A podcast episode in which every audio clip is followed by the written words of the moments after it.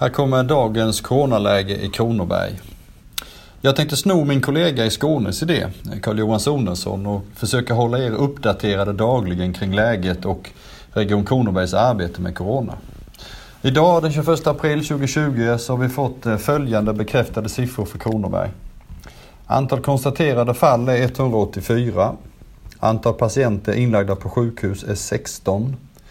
Antal på intensivvårdsavdelningen är två, varav en då är från Sörmland.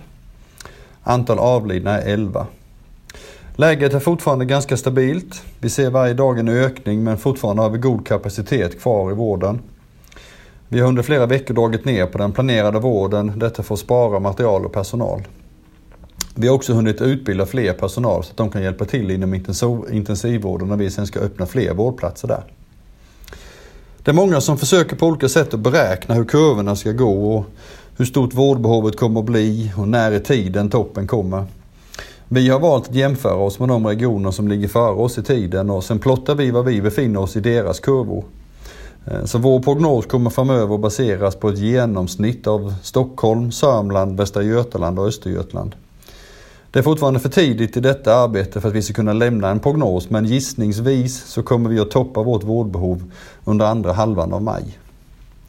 På materialsidan ser det ut som att vi i dagsläget har det mesta under kontroll. Vi försöker uppskatta hur mycket material vi kommer att göra av med och sen beställer vi efter dessa beräkningar. Idag har jag lett Regionstyrelsens första digitala möte. Vi tycker att det fungerade i stort sett mycket bra. Men det är lite annorlunda att leda digitala möten. Framförallt så blir de, de informella delarna blir lidande för det är svårt att prata ihop sig när alla hör allt. Men vi lär oss under resans gång och det kommer att bli bättre och bättre för varje möte.